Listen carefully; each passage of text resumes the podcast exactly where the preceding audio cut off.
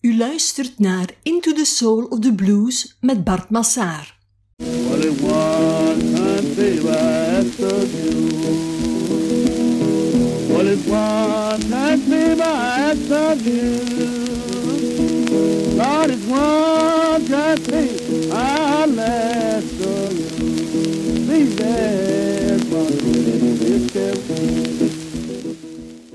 Hey, hallo. Ik heet jullie alweer welkom bij een nieuwe aflevering van de podcast Into the Soul of the Blues. In de vorige afleveringen van deze podcast vertelde ik jullie hoe de blues tijdens de jaren 20 van de vorige eeuw migreerde van het platteland in het zuiden naar de steden in het noorden van de Verenigde Staten. En daar in de stad werd de bluesmuziek waanzinnig enthousiast onthaald. De eenzame fieldhollers die verdwenen in het stedelijke rumoer en de muziek werd sterker, fortissimi, krachtiger en intenser. Zwarte artiesten die kregen meer en meer een podium en zelfs een kans om opnames te maken. Aanvankelijk waren het vooral vrouwen die de blues vertolkten, met een krachtige stem, met een expressieve seksualiteit en begeleid door luide big bands. En het was W.C. Handy die de blues het stedelijke maatpakje had aangetrokken en na hem leek de blues van het platteland wel helemaal vergeten. Uit het oog dus, uit het commerciële oog. Maar de blues was zeker niet uit het hart. Want aan het eind van de jaren twintig verschoof de aandacht opnieuw naar het platteland, naar de plattelandsblues, de country blues. En daar wil ik het in deze aflevering heel graag over hebben.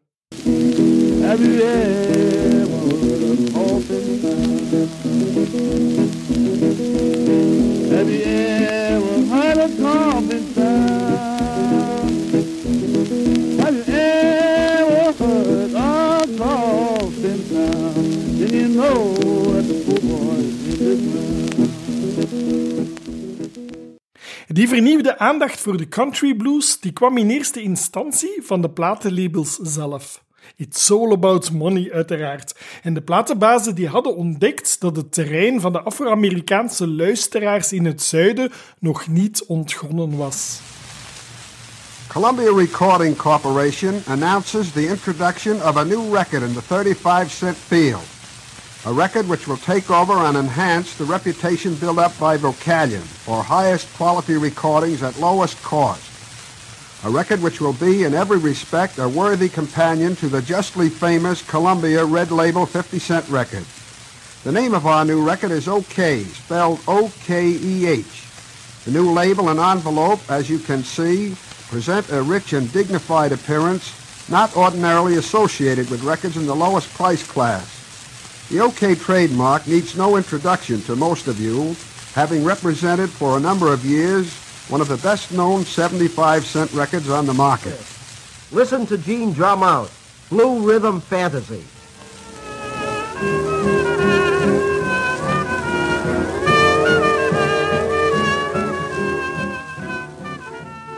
Who first thought of getting out race records for the race? Okay, that's right. Genuine artists make genuine blues for OK. OK Records. Die naam zal bij de trouwe luisteraars onder jullie wel een belletje doen rinkelen. Ja, OK Records was het eerste platenlabel dat in 1920, sterk tegen de stroom in, een opname had gemaakt van een zwarte bluesartiste. Crazy Blues heette dat nummer en de artiste, jawel, dat was Mamie Smith.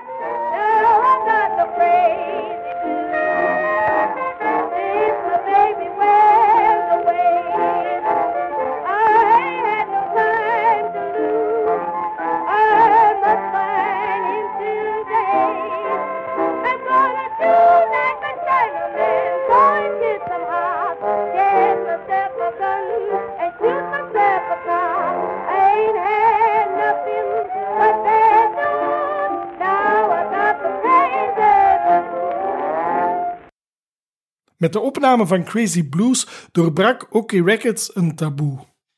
Het kostte hen een boycott van de andere platenmaatschappijen, maar het leverde hen massa's winst op. OK Records werd in 1919 opgericht in New York door een Duitse Amerikaan met de naam Otto Jehuda Karl Erich Heinemann. Ja, als je goed hebt geluisterd, dan weet je het al. Het zijn de initialen van die man, OKEH, die de naam van het platenlabel vormen. En voor Mamie Smith aan de beurt kwam, waren het vooral New Orleans jazzbands die voor de microfoon van OK verschenen. Hun plaatjes kon je kopen tegen 75 cent voor een 10-inch plaatje en voor een 12-inch plaatje betaalde je 1,25 dollar. En ook die wist de klepel naar het succes wel heel goed hangen. Kort na de uitgave van Mamie Smith haar Crazy Blues werd in de muziekcatalogus van Oke Records een subcategorie aangemaakt onder de noemer Negro Music. En het was de blues scout Ralph Peer die die naam in tweede tijd veranderde naar Race Records. En dat was een naam die heel lang in gebruik bleef. Er werd door de platenlabels ook flink wat promotie gemaakt voor de Afro-Amerikaanse bluesmuziek, onder meer door publiciteit in de kranten. De Chicago Defender bijvoorbeeld en de Pittsburgh Courier, dat waren twee kranten die inspeelden op het zwarte bewustzijn. En tussen de artikels over zwarte atleten, over Afro-Amerikaans entertainment en over sociale zaken verschenen ook slogans van de platenlabels en aankondigingen over nieuw uitgebrachte platen. Don't forget to ask your dealer for OK Records. The records that put real hits by real artists every time. OK Records, die Original Race Records. Ja, die slogan kon je lezen in 1925 in de krant. De Chicago Defender en de Pittsburgh Courier die werden ook in het zuiden gelezen. En via die weg kreeg de Afro-Amerikaanse bevolking op het platteland in het zuiden te horen hoe hun bluesmuziek in het noorden furore maakte. Meer nog, de boeren in het zuiden die konden ook bluesplaatjes kopen via mailorder. Dus als je dacht dat het concept van bol.com vernieuwend was, hm, nee hoor. In de jaren 20 van de vorige eeuw kon je al muziek bestellen via mailorder. En net als nu was ook toen dat systeem heel erg winstgevend. De muzikale beïnvloeding die verspreidde zich natuurlijk in twee richtingen. De bevolking op het platteland kreeg het nieuws te horen over de bluesfuroren in de stad, maar langzaamaan groeide bij de platenlabels ook het besef dat er ook op het platteland in het zuiden heel wat lokale, populaire bluesartiesten rondliepen. En in tegenstelling tot de blues in de stad waren het in het zuiden geen vrouwen en geen big bands, maar eenzame mannen met een gitaar op de rug. De blues op het platteland was minder gesofisticeerd, meer ritmisch dan de blues uit de stad. En door de herontdekking ervan trok de country blues op haar beurt een heel nieuw publiek aan.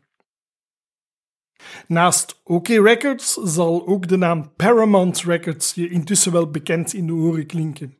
Ook Paramount was al heel vroeg actief in het zuiden van de VS.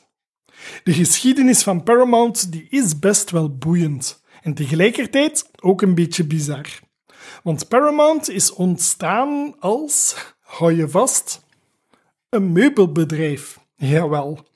De Winkin Chair Company was de naam van de zaak. En ze was gevestigd in Grafton. Dat is een klein stadje ergens tussen Chicago en Milwaukee. De Winkin Chair Company die verkocht zo'n beetje alle soorten meubels, maar heel bijzonder was het meubelstuk dat sinds 1914 in de toonplaats stond. Een kastje met daarin een ingebouwde platendraaier, een fonograaf. Maar als je je klanten een meubelstuk met een platendraaier wil aansmeren, ja, dan moeten die klanten natuurlijk ook plaatjes hebben om te draaien. En dus had de Winkin Chair Company er niet beter op gevonden om zelf plaatjes te gaan maken. Het meubelbedrijf richtte daarvoor een onderafdeling op en die afdeling kreeg de naam Paramount Records. Aanvankelijk kreeg je de plaatjes zelfs gratis bij de aankoop van een fonograaf.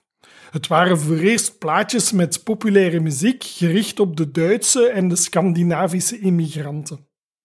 Maar nadat heel wat Afro-Amerikanen een job hadden gevonden in het noorden, had ook die populatie de kans om een centje te sparen en een fonograaf te kopen.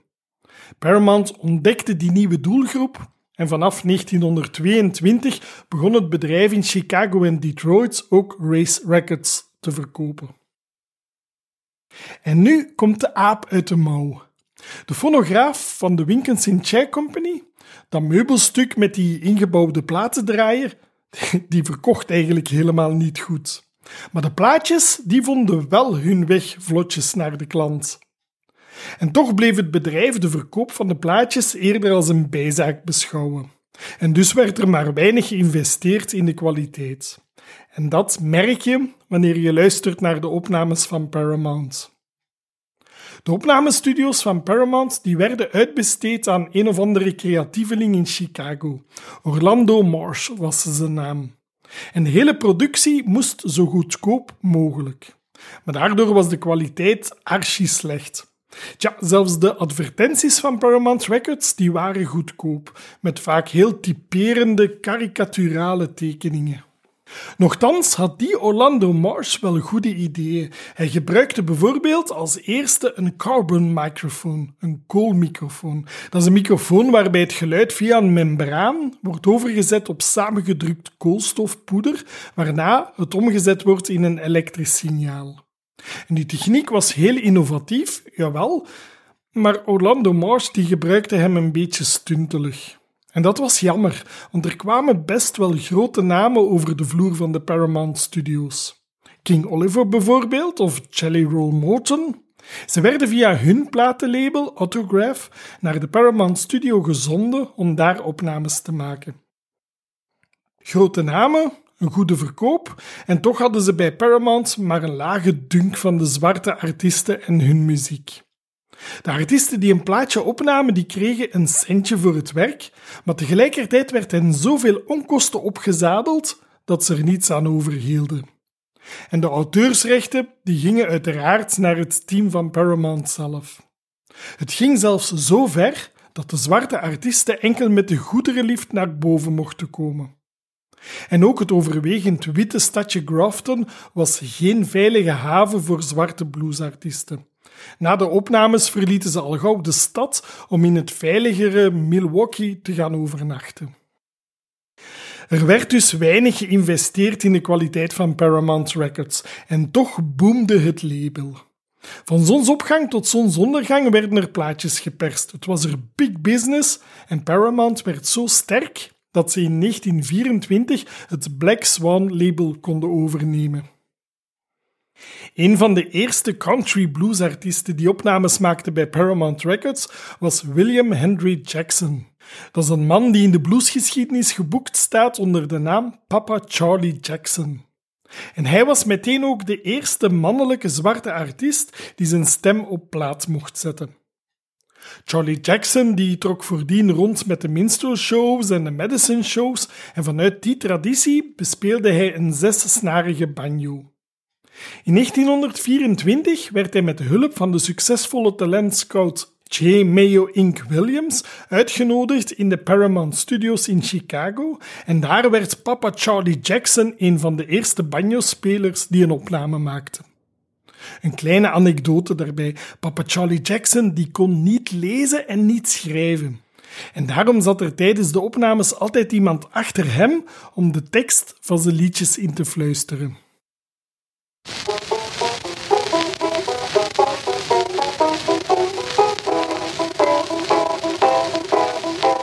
I love my baby, and my baby do love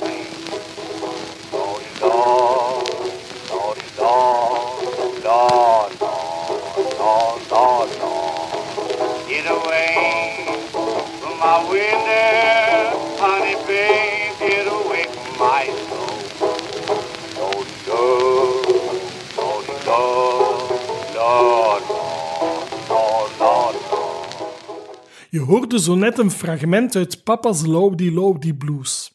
Dat is een opname uit 1924. En dit is een zogenaamde ragtime blues, waarbij de banjo het ritme van de piano imiteert.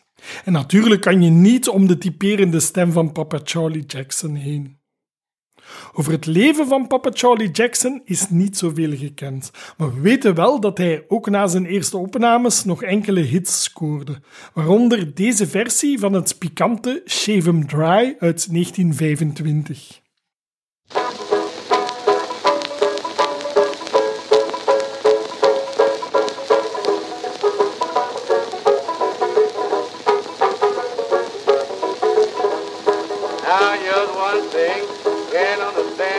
A bow-legged woman likes a knock-kneed man.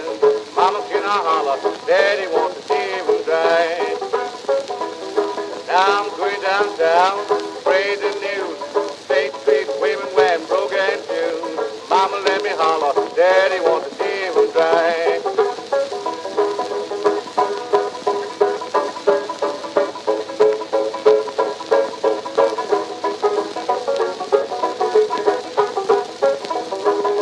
'em Dry heb je al eens gehoord in deze podcast. Het werd het jaar voordien al uitgebracht door Ma Rainey, ook bij Paramount Records.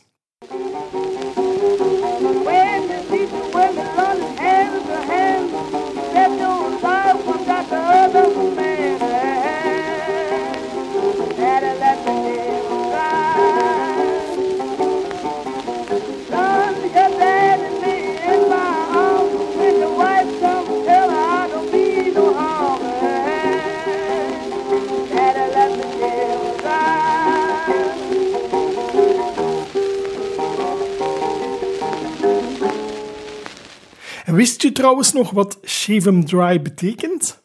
Ik ga het nog eens verklappen. Shave 'em Dry staat voor seks zonder voorspel. Maar voor de pikante bluesliedjes kan je terecht bij mijn podcastaflevering Dirty Blues. Het meest bekende nummer van Papa Charlie Jackson is de Salty Dog Blues. En voor de opnames van dit nummer liet Papa Charlie Jackson zich begeleiden door een jazzband, de Freddie Cappett's Jazz Cardinals.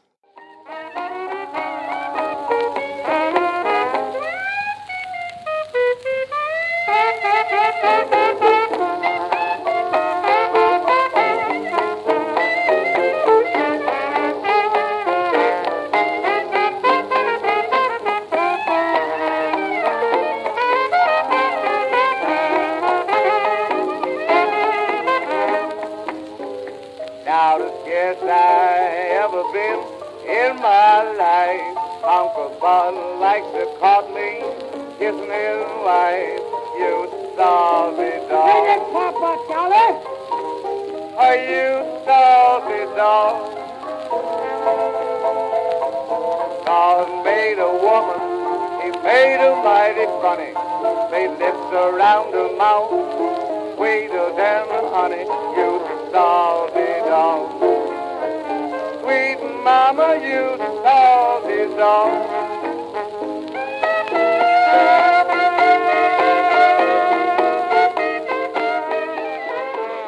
God made a woman and he made her funny. Lips round the mouth, sweeter than honey. You salty dog, you salty dog. Tja, denk er gewoon het jouwe van. De Salty Dog Blues was een gekende folksong en het lied wordt meestal toegeschreven aan de Morris Brothers. Maar zij maakten een opname van hun arrangement in 1938, dus ruim 14 jaar na Papa Charlie Jackson. De Morris Brothers die namen ook de copyright en de Salty Dog Blues werd op die manier hun meest bekende song. Ze hebben er bakken geld aan verdiend. Maar zelf gaven ze ook wel toe dat er naast hun versie nog andere strofes van het nummer bestaan.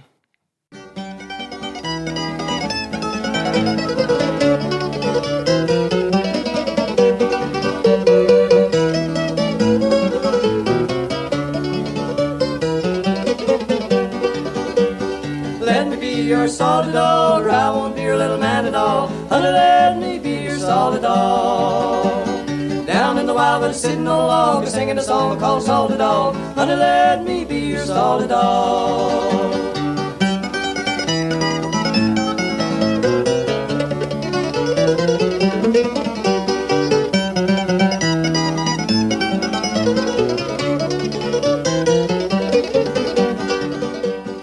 Eigenlijk hadden de Allen Brothers al opnames gemaakt onder de titel Salty Dog. En dan heb ik het niet over de Australische band van Peter Allen uit de jaren 60, maar wel over Austin en Lee Allen.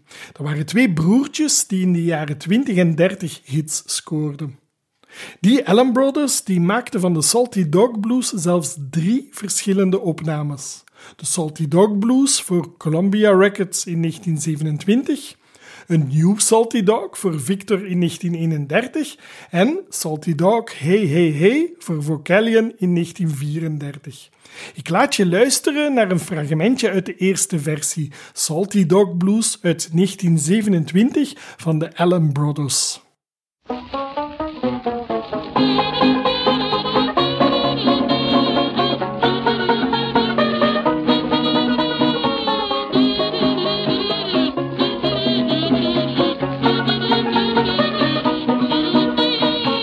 Here, mama, what's on your mind? Daddy wants love you, won't give him time. Ain't nothing but a salty dog. Oh, Go salty dog, ha ha ha.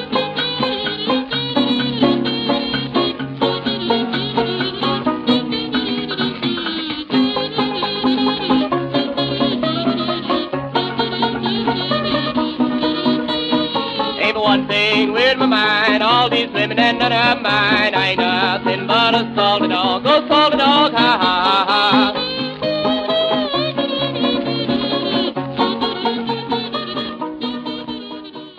De Allen Brothers die hadden de song op hun beurt geleend van Clara Smith. Zij had een opname gemaakt in 1926 en op haar opname staat papa Charlie Jackson vermeld als auteur. Oh, won't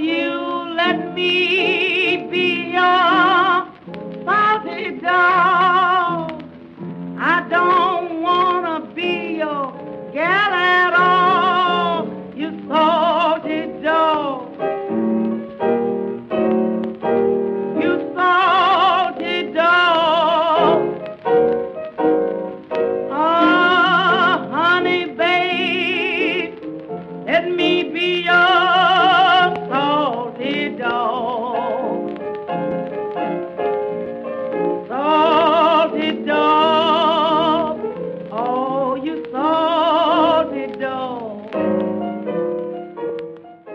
Nummer Salty Dog Blues had dus al een voorgeschiedenis. En de tekst die door de Morris Brothers werd toegevoegd, die bestond voor een groot deel uit floating lyrics. Dat zijn flarde tekst die ze uit andere bluesnummers hebben gekopieerd. Later werd de Salty Dog Blues ook nog op plaat gezet door Led Belly en door Mississippi John Hurt. Ik laat ook nog deze even na elkaar horen.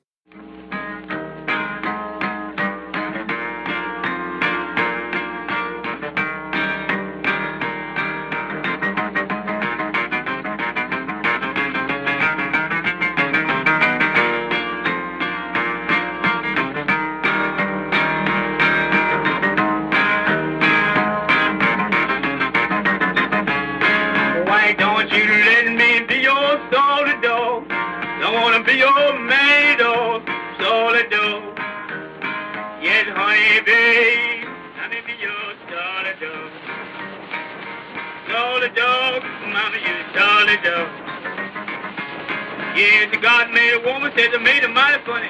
Gets around her mouth, just sweet as honey, you solid dog. You solid dog. Why don't you let me be your solid dog? I wanna be your maid dog, solid dog. Yes, honey, babe, let me be your solid dog.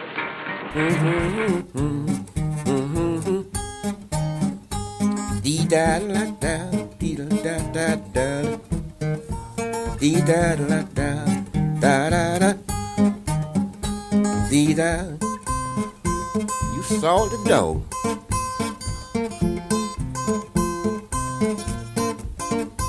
Hey, hey, hey, you saw the dog.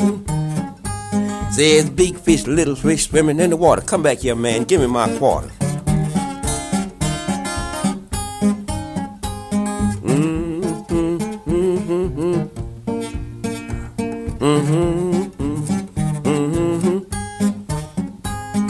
God made a woman, he made her mighty funny. The lips on the mouth, just as sweet as any honey. Hey, hey, you salty dog. Ja, goed. Iedereen heeft het dus over de salty dog. Maar waar hebben we het eigenlijk over? Uit de tekst kunnen we afleiden dat een salty dog iemand is die op het vlak van liefde je aandacht verdient. Maar laten we eens teruggaan in de tijd. In de Appalachen werden in de herfst varkens geslacht en van die varkens maakte men kleine gepekelde worstjes, dogs genaamd, zoals bij de hotdog, waar we allemaal mee vertrouwd zijn. Maar deze worstjes, de salty dog, die werden niet gegeten. Nee, de vrouwen staken de worstjes in hun corset, want men was van mening dat het zout de giftige dampen uit het lichaam wegtrok, terwijl het vet zorgde voor een isolerend laagje. Dankzij de salty dog bleef je dus gezond. Het hielp bijvoorbeeld om een longontsteking te voorkomen. Let me be your salty dog. Papa Charlie Jackson die kwam er dus mee op de proppen in 1924. En ook zijn nummer Shake That Thing verkocht heel goed.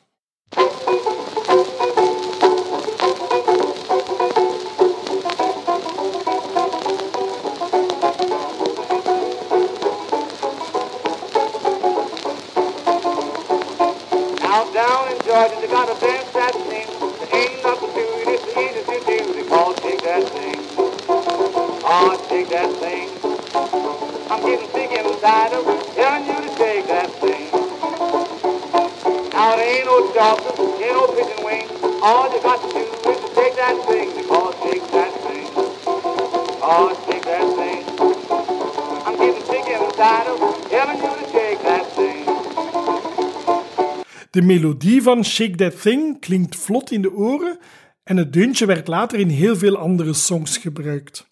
En misschien herken je ook dit nummer.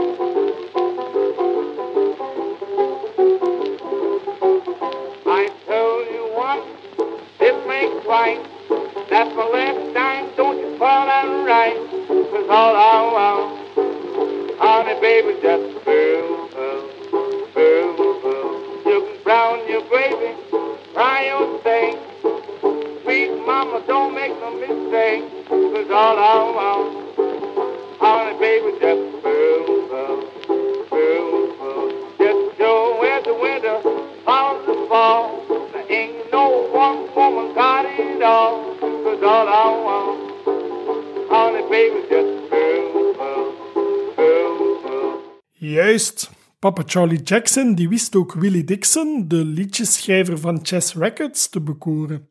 En Willie Dixon die lepelde vervolgens het succes in de grote mond van niemand minder dan Howling Wolf. Waarna de supergroep Cream in 1966 van hetzelfde lepeltje ging proeven. Spoonful.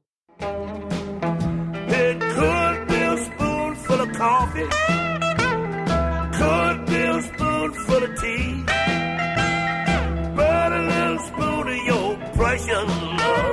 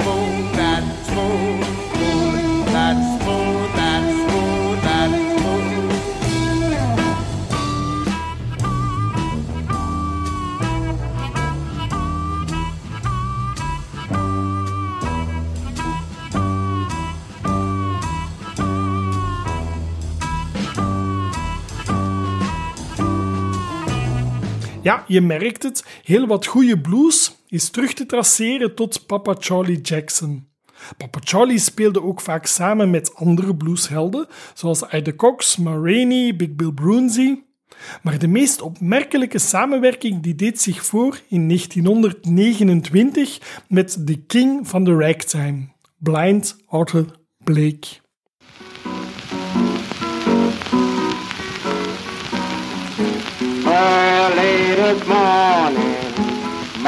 Baby made me sure. Early this morning, my baby made me sure. I'm going away to leave you, ain't coming back no more.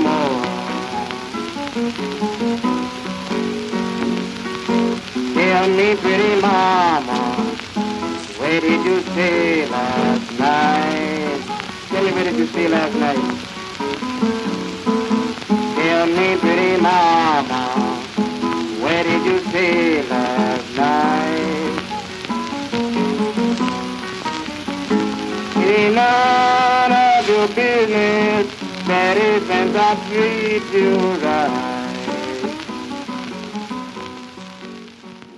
De Early Morning Blues die je net hoorde, was de eerste solo-opname van Blind Blake. En die dateert uit 1926.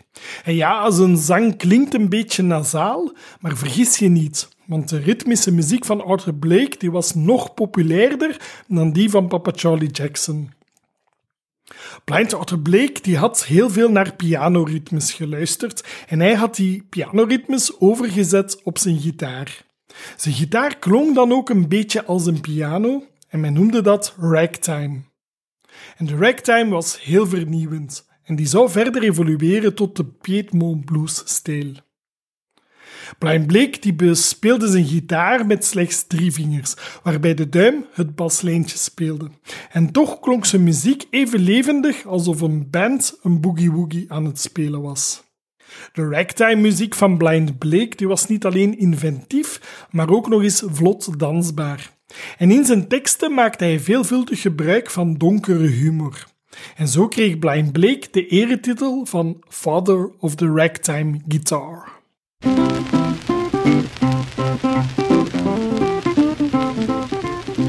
There's a great big mystery, and it sure is worrying me. This diddy war did it. This diddy did it. I wish somebody would tell me what diddy did it mean. The little girl about four feet four. Come on, Papa, and give me some more of your diddy war did it. Your diddy war did it. I wish somebody would tell me what diddy did it mean. Je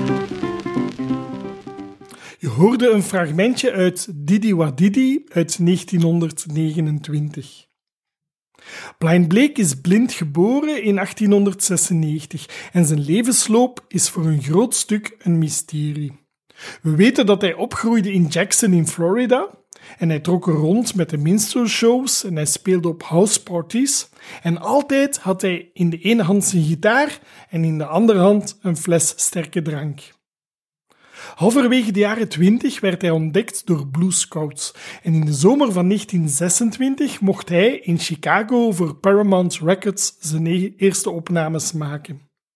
Eerst nog als backing van onder andere Lyle Bill Wilson en voor Ma Rainey, maar omdat Paramount aanvoelde dat de zogenaamde race music op volle toeren draaide, promoveerde men ook Blind Blake tot een solo-artiest. Ain't that girl right on again?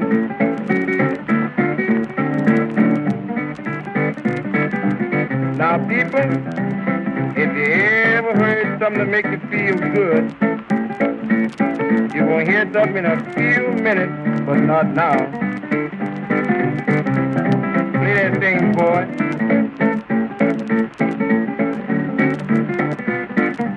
Now, here's something gonna make you feel good.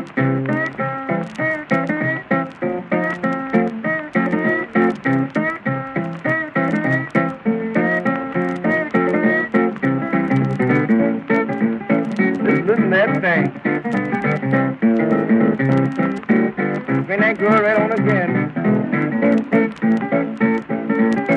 It done got good to me. De West Coast Blues die je hoorde was het B-kantje van zijn eerste opname. En dit nummer werd een heel groot succes. Brian Blake was niet alleen geliefd bij de luisteraars, maar ook bij zijn medemuzikanten. Op zijn appartement trof je heel vaak een schare bekende bluesmannen die samenkwamen om te jammen. Little Brother Montgomery bijvoorbeeld, net als Charlie Span, Roosevelt Sax, Tampa Reds, Big Bill Brunsey. Dat moeten gezellige avondjes geweest zijn. Samenhorigheid, heel veel muziek en uiteraard ook de nodige whisky. In 1928 speelde hij samen met klarinetspeler Johnny Dodds en drummer Jimmy Bertrand het nummer Hot Potatoes. En Blind Blake speelde de gitaarbegeleiding, dus luister goed naar de gitaarbegeleiding op de achtergrond. De korte, vinnige gitaarakkoorden waarop zelfs de meest stramme benen aan het dansen gaan.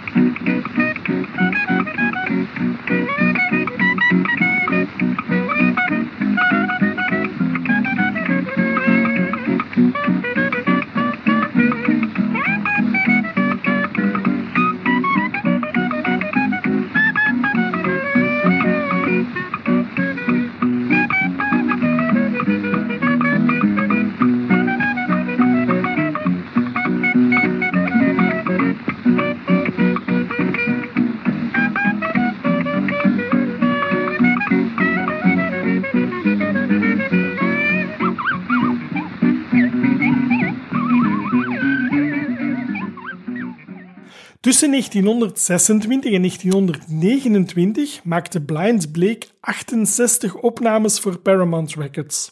En aan die opnames verdiende hij 50 dollar per kantje. Dat is een bedrag dat je nu gelijk kan stellen met 650 dollar. Paramount Records ontdekte de waarde van de blinde bluesartiest. En de rollende centjes inspireerden het platenlabel om op zoek te gaan naar nog meer zwarte muzikanten met een visuele handicap. Maar al tegen 1930 ging de zang en het gitaarspel van Blind Blake erop achteruit. De overmatige hoeveelheden whisky die achterover sloeg, die speelde hem parten. Paramount liet hem nog opdraven voor Champagne Charlie is My Name en voor The Depression's Gone From Me Blues. En over de authenticiteit van het eerste nummer wordt wel eens getwijfeld, want de stem op Champagne Charlie is My Name klinkt als de stem van iemand anders. Ondanks het feit dat de naam van Blind Blake op het plaatje staat. Champagne Charlie is my name. Champagne Charlie is my name. Champagne Charlie is my name. By golly, and Rogan and stealing is my game. I went down to Louisville and I ain't been there before. And a great big bully knocked me down and I better go back no more. Champagne Charlie is my name. Champagne Charlie is my name. Champagne Charlie is my name. By golly, and and stealing is my game.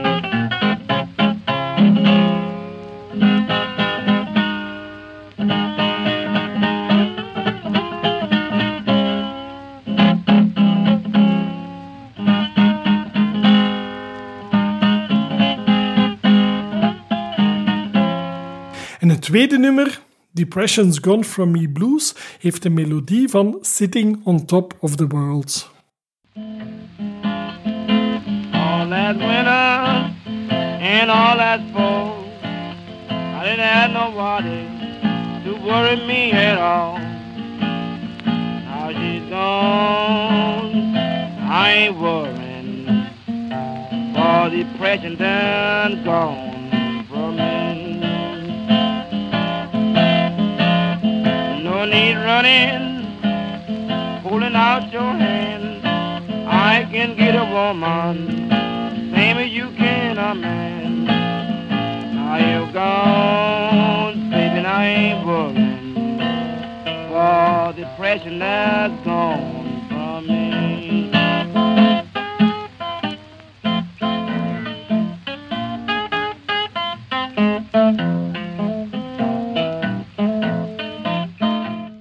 Toen Paramount Records omwille van financiële problemen in 1932 geen opnames meer maakte, trok Blind Blake terug naar het zuiden en hij verdween in de anonimiteit.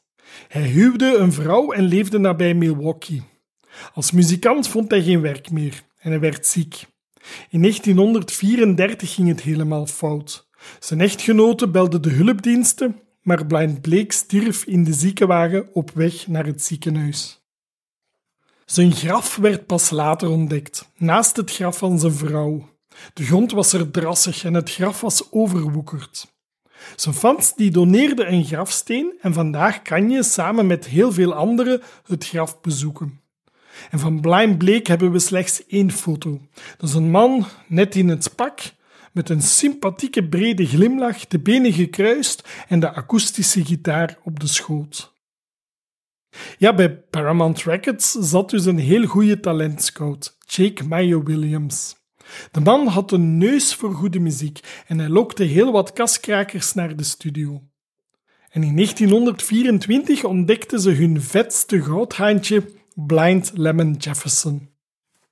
Blind Lemon Jefferson die is geboren in 1897 en je zou het niet zo meteen vermoeden, maar Lemon was echt de naam die hij bij zijn geboorte heeft gekregen. Hij was een kleine, plompe baby en hij was van bij de geboorte blind.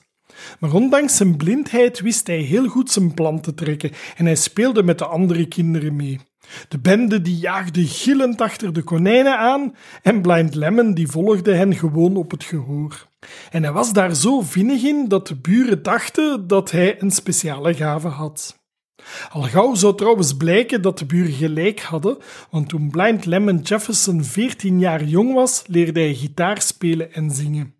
Ja, je weet hoe dat gaat. En ik vertelde het al in de aflevering Blind Boys Blues. Als Afro-Amerikaan had je al weinig kansen in het leven en als blinde jongen met een donkere huidskleur kon je het helemaal vergeten. Er zat dus maar één ding op om aan te kost te komen: de straat op om te bedelen, met de gitaar in de hand en om de hals een blik waarin fooien werden gegooid. Maar Lemon die had dus een gave, een talent, en dat lag in de muziek. Tegen zijn twintigste speelde hij op picknicks en op feestjes en in 1917 trok hij naar de stad, naar Dallas. Hij hoopte er het geluk te vinden, net zoals vele andere migranten. Maar hij ondervond ook dat het leven in de stad nog harder was dan het leven op het platteland. Op de boerderij was er steeds opvang voor hem geweest, hij kon overal terecht. Maar hier in de stad, in de anonimiteit, moest hij vechten voor zijn bestaan. En dat was ook wat hij deed. Hij ging worstelen om geld te verdienen, als blinde man, stel je voor. En hij speelde muziek in de ruige prostitutiebuurten. Hij zong en speelde gitaar tot hij genoeg geld had ingezameld. Dan verdween zijn gitaar onder de stoel en belandde er in ruil een meisje van lichte zeden op zijn schoot. En hij braste tot hij amper nog op de benen kon staan. En toch trok hij weer in zijn eentje naar huis. Ja, Lemon Jefferson was een taaie jongen en hij had niet zo graag dat mensen wisten dat hij blind was. De volgende dag zweette hij zijn kater uit, opnieuw met de gitaar in de hand, in een nieuwe poging om geld voor de kost te verdienen. En daarin slaagde hij wonderwel, in ware Texaanse stijl, met een hoge stem en een snijdende gitaar kreeg hij de aandacht die hij zocht. Hij verdiende de kost en van al dat brassen werd hij zo dik dat zijn gitaar geknald zat tussen zijn buik en zijn kin. I ain't going to marry, I ain't going to settle down, zong hij in 1925. Old Rounders Blues is een ode aan het vrije leven. En om zijn stelling kracht bij te zetten, liet hij eerst een schelle Texaanse cowboy-schreeuw horen. Woehoe! Well, listen here. I was all last night and night before. I believe I'll go out tonight and just read some more. Yahoo! I ain't marry, ain't no need down. Ain't gonna marry, gonna settle down. I'm a ride from.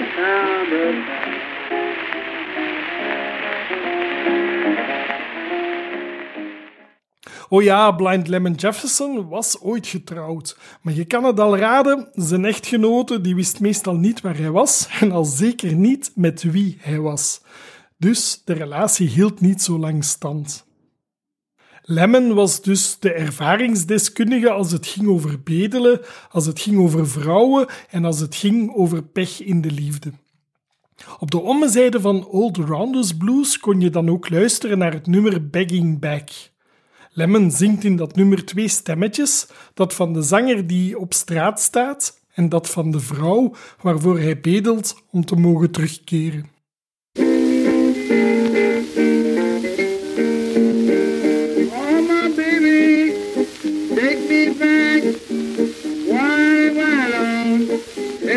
Back? Listen here, mama, I'll be gone. Make your fire, cut your wood. When I had you, wouldn't do. I got another and I don't want you. I'm going no joker every time it gets cold. You come in the bag and me to take you back. You know I don't care anything for you. Why do you worry me so? You treat me like that you me now. Old Rounders Blues en Begging Back die werden allebei opgenomen in 1925, maar Paramount wachtte nog een jaar om de nummers uit te brengen. En intussen kwamen er wel twee andere nummers op de markt, Rooster Blues en Dry Southern Blues. En die nummers die werden meteen een succes.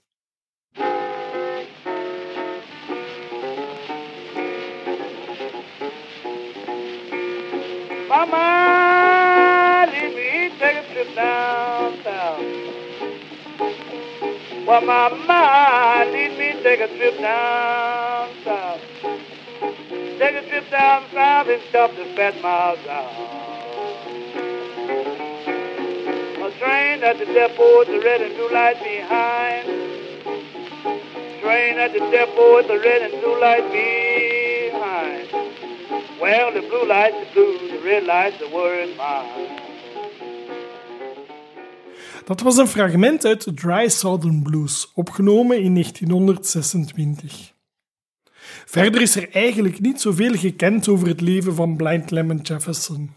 De meeste verhalen komen uit tweede hand. En ook van Blind Lemon Jefferson hebben we maar één foto.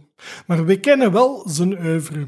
En Blind Lemon Jefferson die zong heel gevoelige songs. Het waren bijna field hollows en worksongs die hij bewerkt had tot moderne bluesnummers. En Paramount die oogste er succes mee, terwijl de artiest zelf in verhouding niet zo heel veel verdiende. Alhoewel, een net pak en een chauffeur die konden er toch vanaf. En ondanks de minderwaardige behandeling bleef Blind Lemon Jefferson bij Paramount, want ze kenden zijn zwakke plek. Na elke opname kreeg hij als presentje een paar dollars, maar ook een fles sterke drank en een prostituee.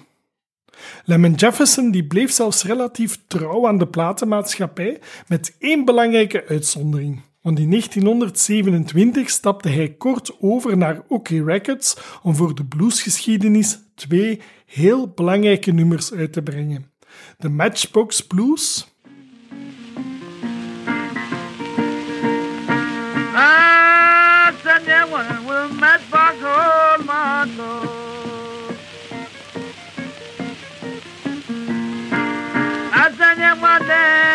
matchbox my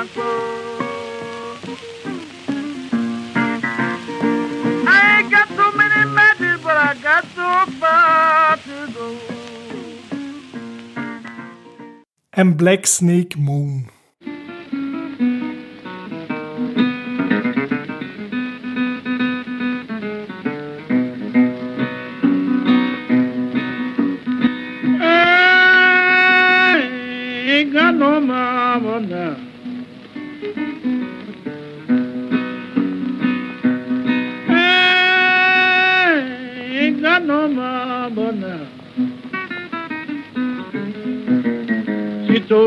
last night. You don't need no mama, no help.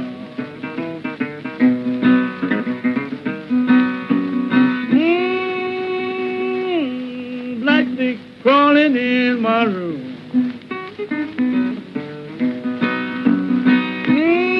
Mmm, black snake crawling in my room. And some pretty mama had better come in. Get this black stick.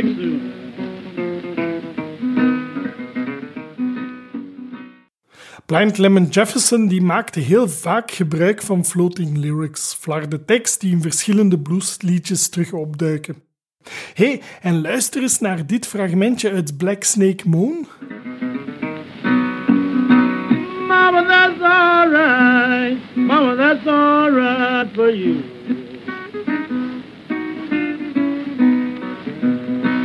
Mama, that's alright. Mama, that's alright for you.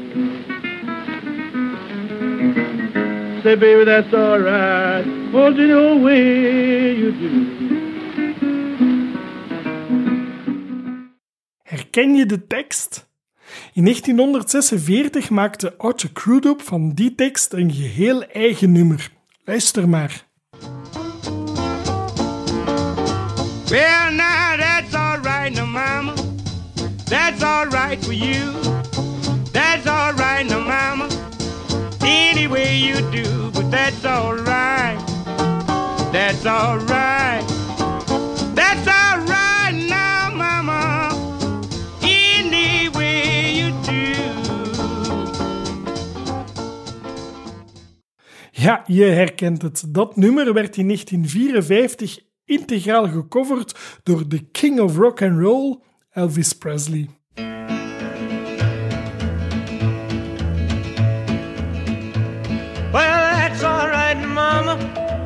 That's all right for you. That's all right, Mama. Just any way you do that's all right. That's all right.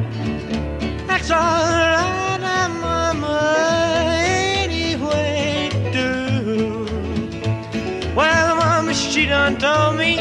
Papa done told me too. Son, that gal you fooling with, she ain't no good for you, but that's all right. That's all right. That's all right,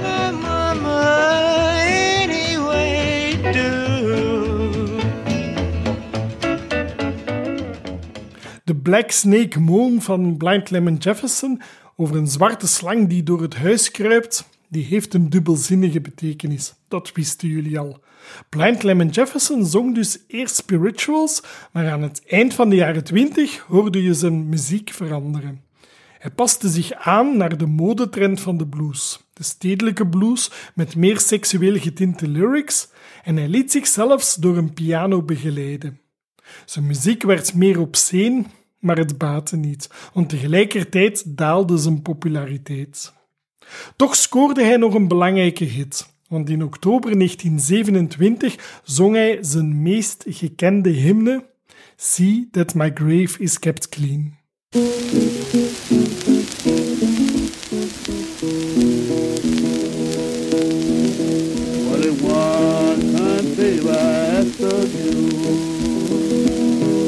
it was, time, baby, I ask of you.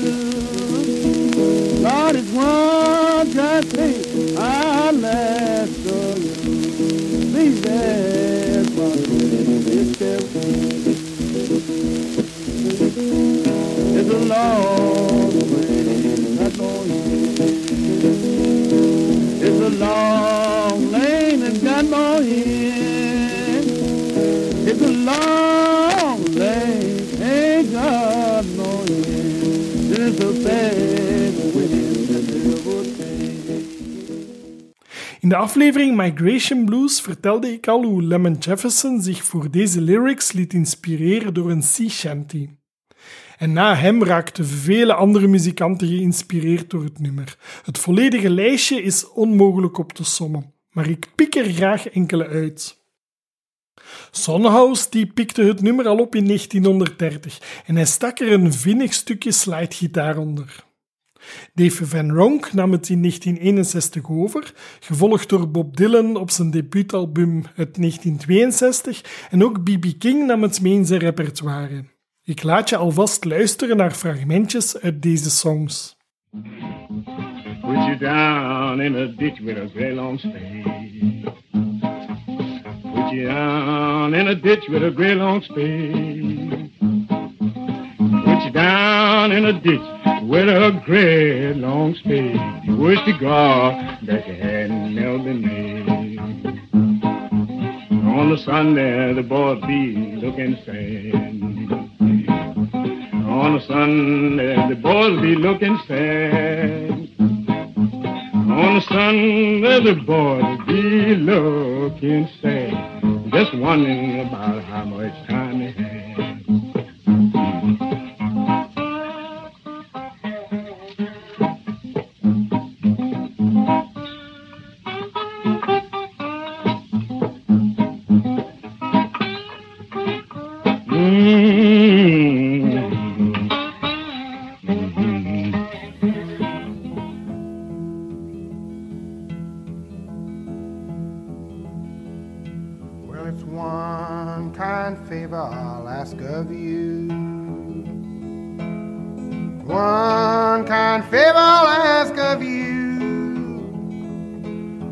One kind favor I'll ask my grave is kept clean.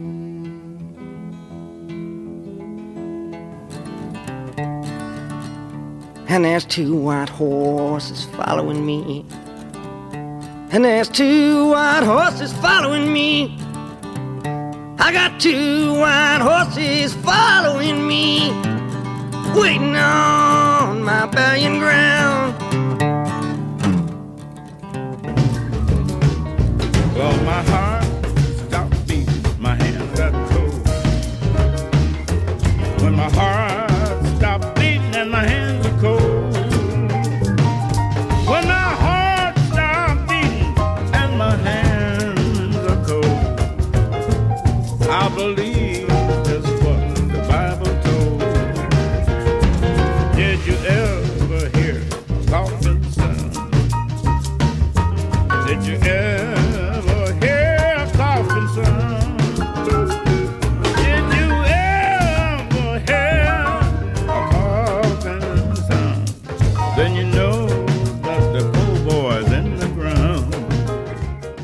In 1952 maakte Lightning Hopkins een adaptatie van het nummer en hij noemde het One Kind Favor.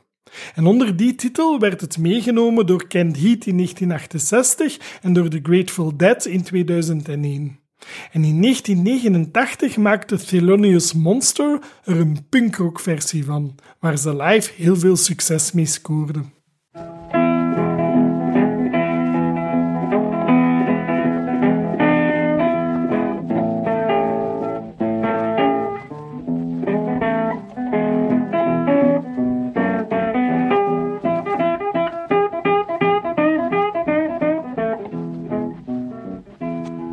White one, kind fever, I'll ask to you.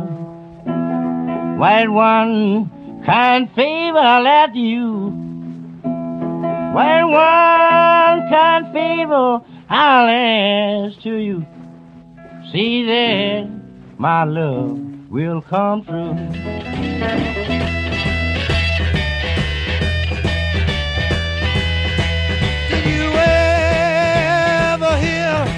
Coffin sound?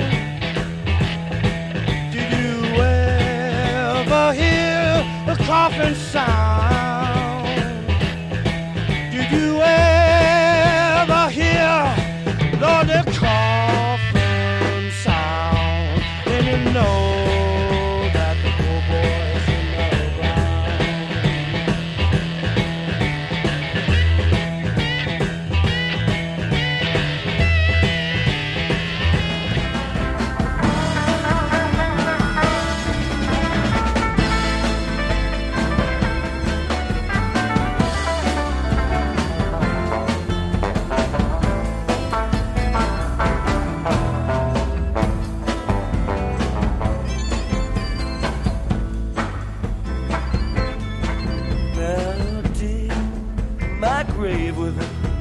A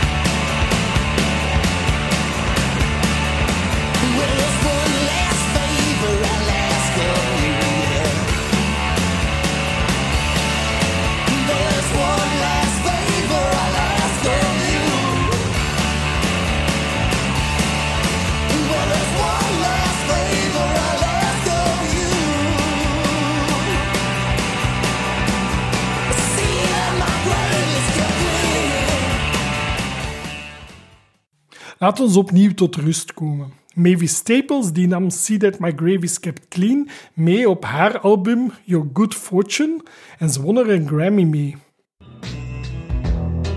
They say those streets are paved with gold.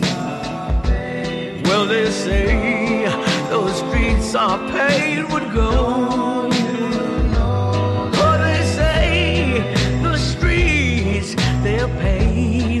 With gold. Lord, have mercy on my soul. Oh, Lord, have mercy on my soul.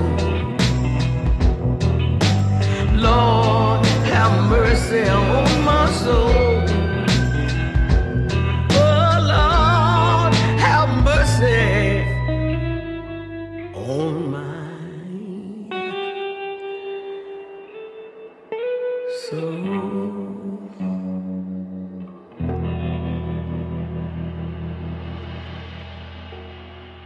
Blind Lemon Jefferson die had zijn nalatenschap verzekerd. Hij zong nog de Empty House Blues, dat is een nummer over het gemis van een geliefde die er niet meer is.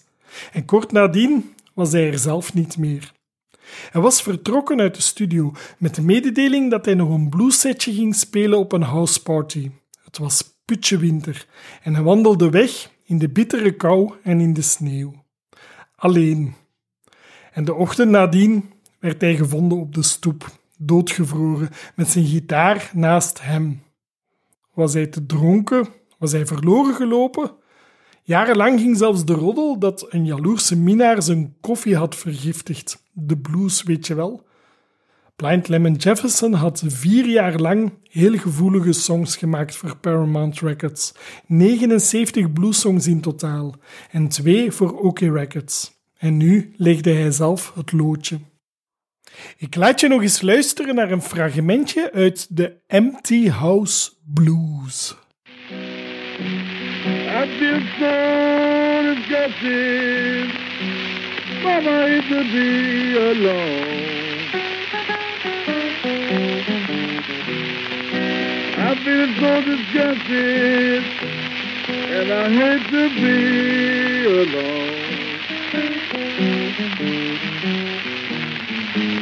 I'm getting some other my.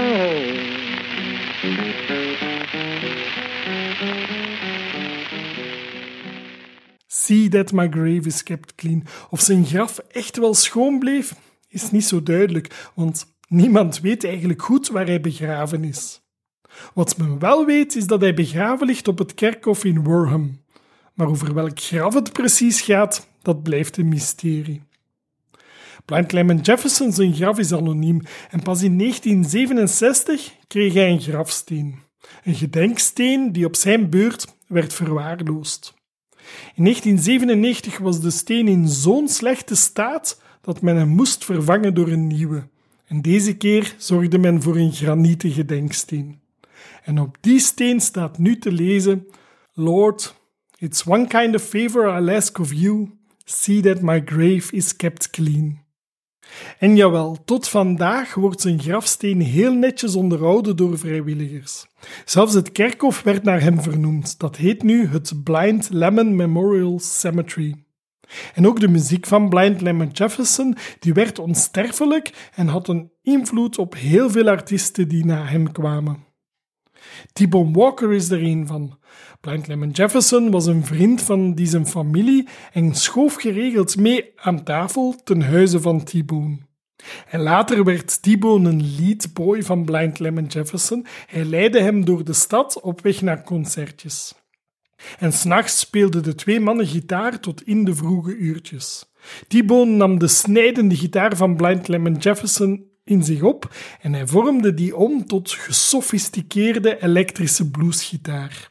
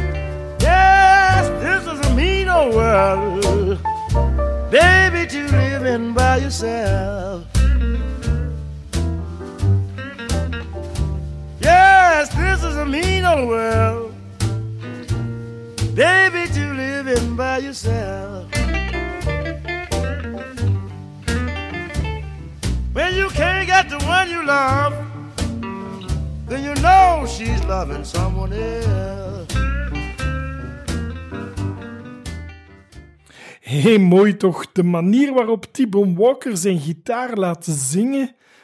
En wie ooit een videofragmentje van hem heeft gezien, die kan zich er meteen ook zijn gezapige en vrolijke mimiek bij voorstellen. T-Bone Walker die was een meester in zijn vak. Dit was een fragmentje uit Mean Old World, een nummer uit 1942. En dan is er nog Nick Cave bijvoorbeeld. Die stak het niet onder stoelen of banken. Op het album The Firstborn is Dead uit 1985 kan je luisteren naar een iets wat bizarre ode aan Blind Lemon Jefferson.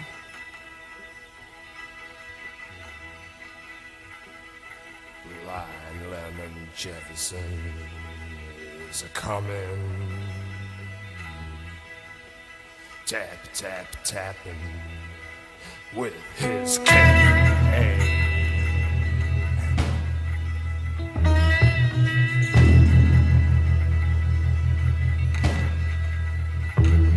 There's a lost ditch lies down the road of trial.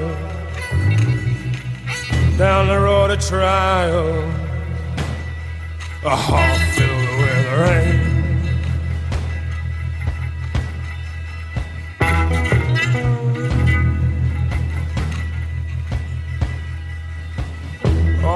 Sycamore, sycamore.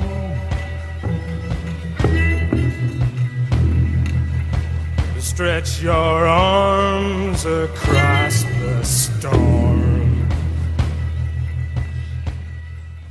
Nog even terug naar OK Records. De platenmaatschappij had als eerste gescoord door een zwarte artiest op plaat te zetten, een vrouw dan nog wel, en ze bleven dan ook lange tijd het lucratieve pad van de city blues bewandelen. Het was pas toen Paramount Records aandacht besteedde aan de blues van het platteland dat ook bij OK Records het licht opnieuw ging branden. De eerste country blues bij OK Records was die van Sylvester Weaver. Sylvester Weaver die werd eerst gekoppeld aan blueszangeres Sarah Martin, voor wie hij de gitaarbegeleiding verzorgde, maar heel spoedig mocht hij in 1924 voor OK Records twee instrumentaaltjes op plaat zetten: Guitar Blues en Guitar Rag. Ik laat je eens luisteren naar een fragmentje uit Guitar Rag. Sylvester Weaver speelt hier slides op een banjo-gitaar. Dat is een banjo met zes snaren die als een gitaar gestemd wordt.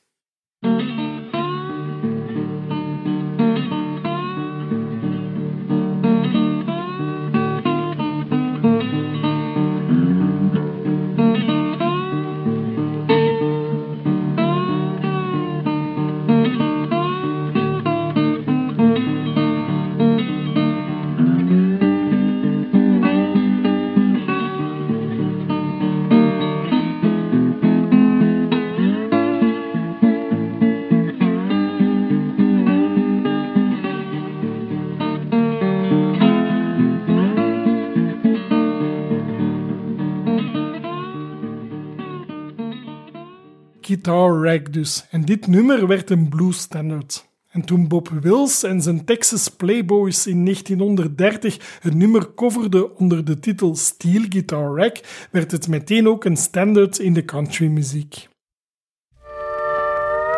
All right, friends, here's that boy with steel guitar. Take it away, my man. Take it away.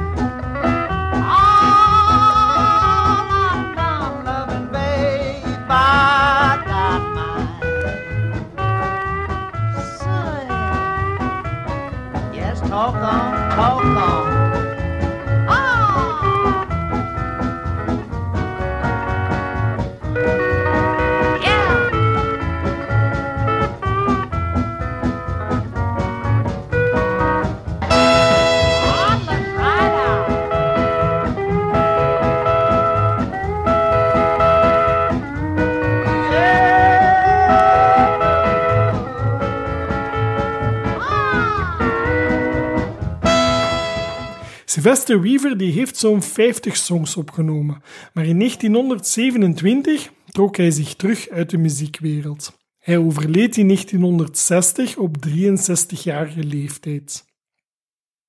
En na Sylvester Weaver legde OK Records hun eieren in het mandje van Lonnie Johnson. En ik vertelde je in een vorige aflevering al wat een succes dat was. En zoals ik al eerder vertelde ook, Louis Armstrong met zijn Hot Five en King Oliver, die maakte grote sier bij OK Records.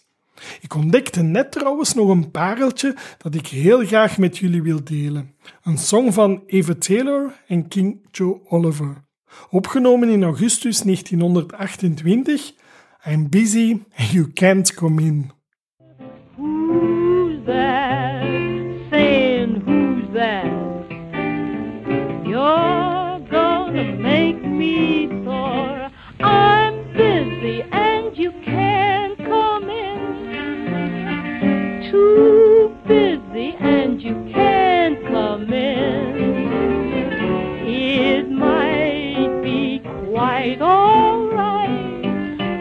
Tomorrow night, but my baby's here tonight. And he's busy and you can't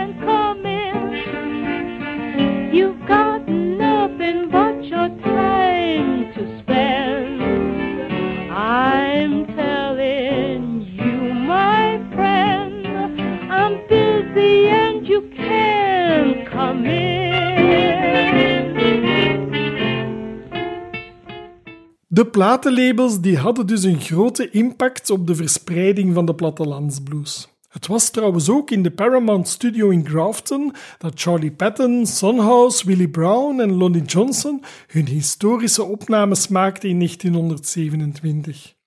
Maar ook over hun dolle fratsen en hun amoureuze escapades vertelde ik al eerder in deze podcast. Ja, je merkt het, het einde van de Roaring Twenties is echt wel nabij. De bombastische stadsblues die heeft plaatsgemaakt voor de meer sobere, ingetogen, maar daarom zeker niet minder intense plattelandsblues. In de volgende aflevering vertel ik jullie heel graag over de Blues Scouts en over de Field Recorders. Dat waren mannen die tot diep in afgelegen gebied trokken om daar opnames te maken van lokale bluesartiesten. En intussen kan je, zoals steeds, terecht op mijn Facebookpagina, op Instagram, en daar vind je meer duiding bij het verhaal van de blues. Je kan mijn website bezoeken, Into the Soul of the Blues, of je kan luisteren naar mijn afspeellijstjes op Spotify, naar de muziek die ik in deze podcastaflevering aan bod heb laten komen. En hey, wist je dat je ook bij mij terecht kan voor een concertje of voor een muzikale voorstelling over de geschiedenis van de blues? Je vindt alle informatie over die voordrachten op mijn website www.nassara.be. Nassara, dat is de N van november, A-S-S-A-R-A. www.nassara.be. En intussen wens ik jullie heel graag tot de volgende keer. Dag! Dit was een aflevering van Into the Soul of the Blues met Bart Massaar.